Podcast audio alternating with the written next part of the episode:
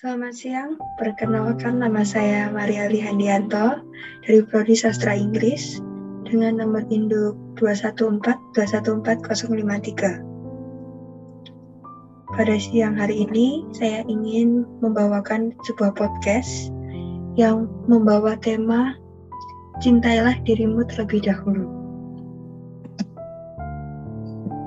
Ketika membuat kesalahan, seringkah kita mengomentari diri Kata hati menghakimi cenderung muncul ketika kita tidak punya cukup cinta diri. Cinta diri itu bukan narsisisme. Orang yang narsis menganggap dirinya paling benar, paling hebat, egois, congkak, dan rakus perhatian. Sementara orang yang cinta diri adalah dia yang bisa menghargai dirinya sendiri sehingga menjadi individu yang lebih baik untuk dirinya dan orang lain. Orang yang cinta diri adalah dia yang bisa bersahabat dengan diri sendiri. Cinta diri sangat berpengaruh pada kehidupan kita sehari-hari. Seseorang yang tidak cinta diri, ketika melakukan kesalahan kecil, mencambuk dirinya secara terus-menerus dengan komentar negatif hingga menggarus harga diri. Seseorang yang tidak cinta diri sulit menjalin hubungan romantis yang karena terus merasa tidak yakin apakah ia pantas dicintai. Kemampuan kita menerima cinta dari orang lain berbanding lurus dengan kemampuan kita mencintai diri. Seseorang yang tidak cinta diri cenderung merasa insecure. Apakah kamu pernah merasakan yang namanya insecure dalam sebuah kehidupan? Baik kamu yang sekarang masih duduk di bangku sekolah, ataupun kamu yang sudah lulus, bahkan sampai kamu yang sudah memiliki pekerjaan. Pasti setiap orang memiliki rasa insecure di dalam dirinya masing-masing. Entah itu insecure akan kegagalan, cemas akan kehidupan di masa sekarang, ataupun di masa depan. Jika pernah mengalaminya, lalu apa yang akan kamu lakukan untuk menghadapi rasa insecure tersebut? Apakah kamu akan merespon dengan hal-hal positif atau malah sebaliknya? Insecure atau insecurity adalah tindakan dari adanya emosi apabila kita menilai diri kita menjadi seorang inferior dari orang lain. Pendapatku sendiri menyatakan bahwa insecure dapat diartikan sebagai perasaan tidak aman yang mungkin setiap orang rasakan dalam hidupnya. Rasa tidak aman atau insecure sendiri bisa terjadi pada dirimu di saat kamu sedang merasa kekurangan, malu, bersalah, bahkan sampai rasa tidak mampu akan melakukan sesuatu.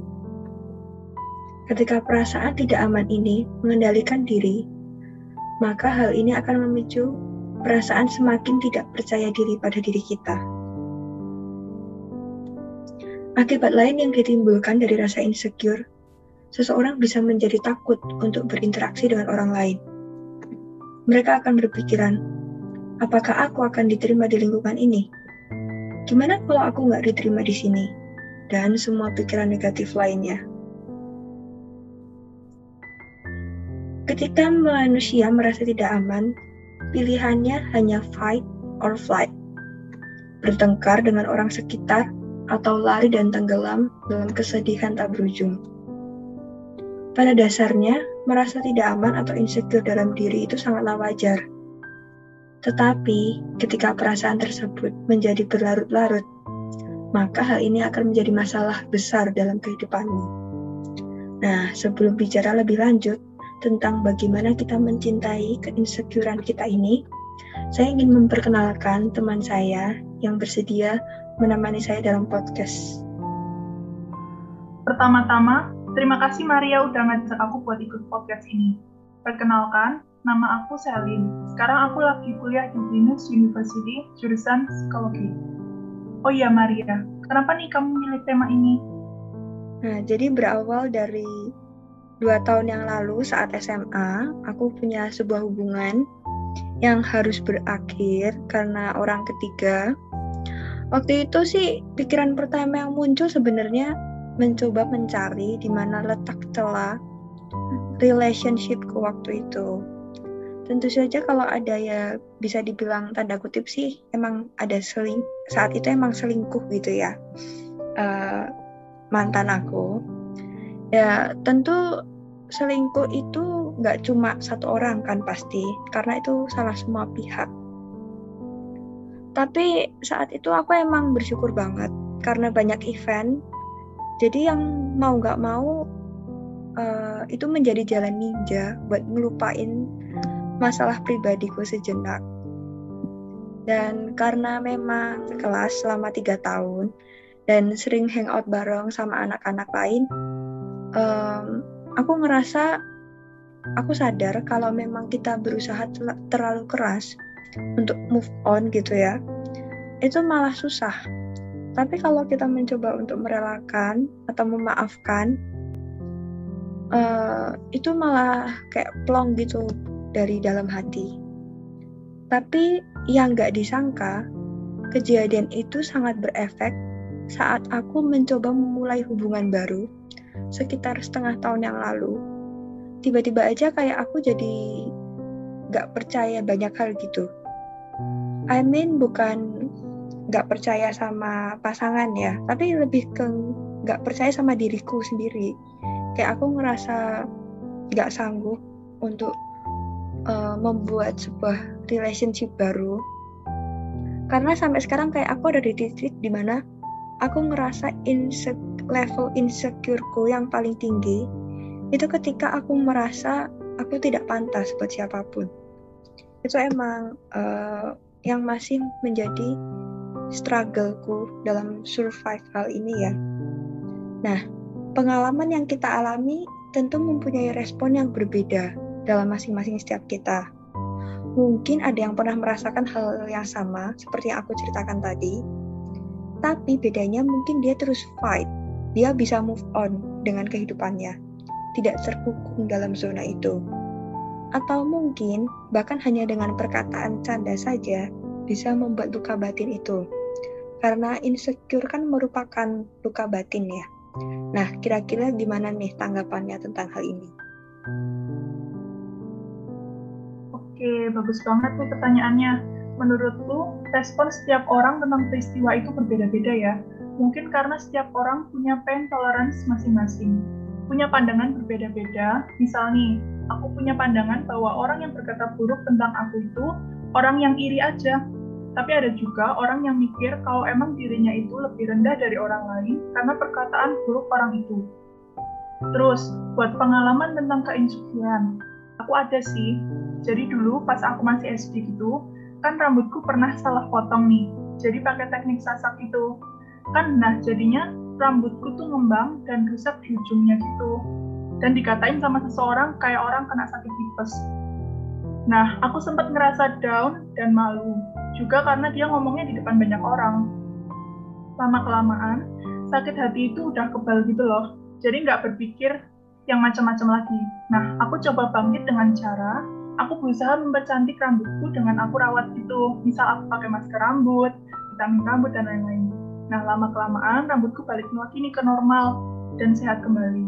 Selain itu, selama rambutku belum membaik, aku selalu ngaca dan menanamkan ke diri sendiri bahwa aku ini cantik, aku ini cantik gitu. Jadi aku tetap pede-pedein aja dan menanamkan sugesti itu ke otak aku sendiri. Terkadang insecure itu masih ada, misal untuk kenalan dengan orang baru atau dalam membuka hati untuk cowok baru gitu. Ya, tapi tetap aja aku harus mencintai diri sendiri dan tetap pede aja gitu. Sih dari aku. Lalu, uh, apakah kita pernah bertanya dengan diri kita sendiri? Apakah hubunganku dengan diriku sendiri itu baik-baik saja? Karena jika kamu tidak akur dengan diri sendiri, tapi kamu akur dengan orang lain, berarti kamu tidak melakukannya dengan tulus. Kembali lagi dengan bahasan tentang cinta diri. Kadang kan kita sering memberi kritik kepada diri kita, bahkan hanya dengan kesalahan sekecil apa pun gitu. Kita sering kayak memberi kritik, aduh kok kamu gitu aja nggak bisa sih gitu mungkin kita sering terlalu keras buat diri kita sendiri. Nah, gimana caranya menjadi sahabat atau hakim yang bijaksana bagi diri sendiri? Karena tentu saja apabila kita ingin mencintai orang lain, kita harus mencintai diri sendiri terlebih dahulu.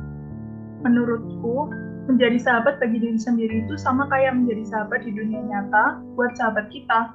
Kalau kita punya sahabat, kita akan ada di saat suka maupun duka buat sahabat kita ini. Jadi aku juga selalu ada buat diriku sendiri di saat aku sedang suka maupun duka. Aku selalu berpikiran positif dan menenangkan diri kalau aku sedang sedih dan selalu ada gitu buat diri aku sendiri. Maksudnya uh, menemani diri sendiri itu gimana ya? Agak ambigu sih. Cuma menurutku dengan kita berpikiran positif itu sangat berpengaruh buat mental kita sendiri. Dan menurutku kalau menjadi hakim yang bijaksana dengan cara nggak menyalahkan diri atas apa yang terjadi. Misal aku membuat kesalahan dan merasa bersalah, ya aku minta maaf ke orang yang aku buat salah dan aku perbaiki, nggak terus-menerus menyalahkan diri sendiri. Itu sih. Wah, jawaban yang benar-benar membuka telinga ya.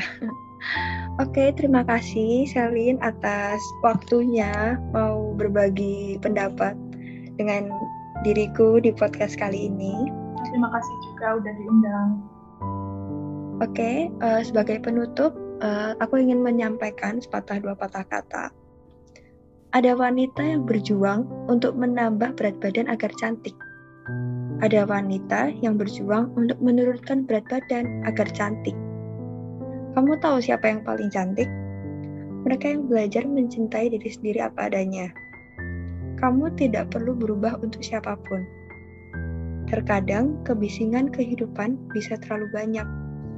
Jika kamu perlu melarikan diri, cukup cintai dirimu sendiri untuk mengetahui kapan kamu membutuhkan waktu istirahat yang sebenarnya. Sekian dari saya.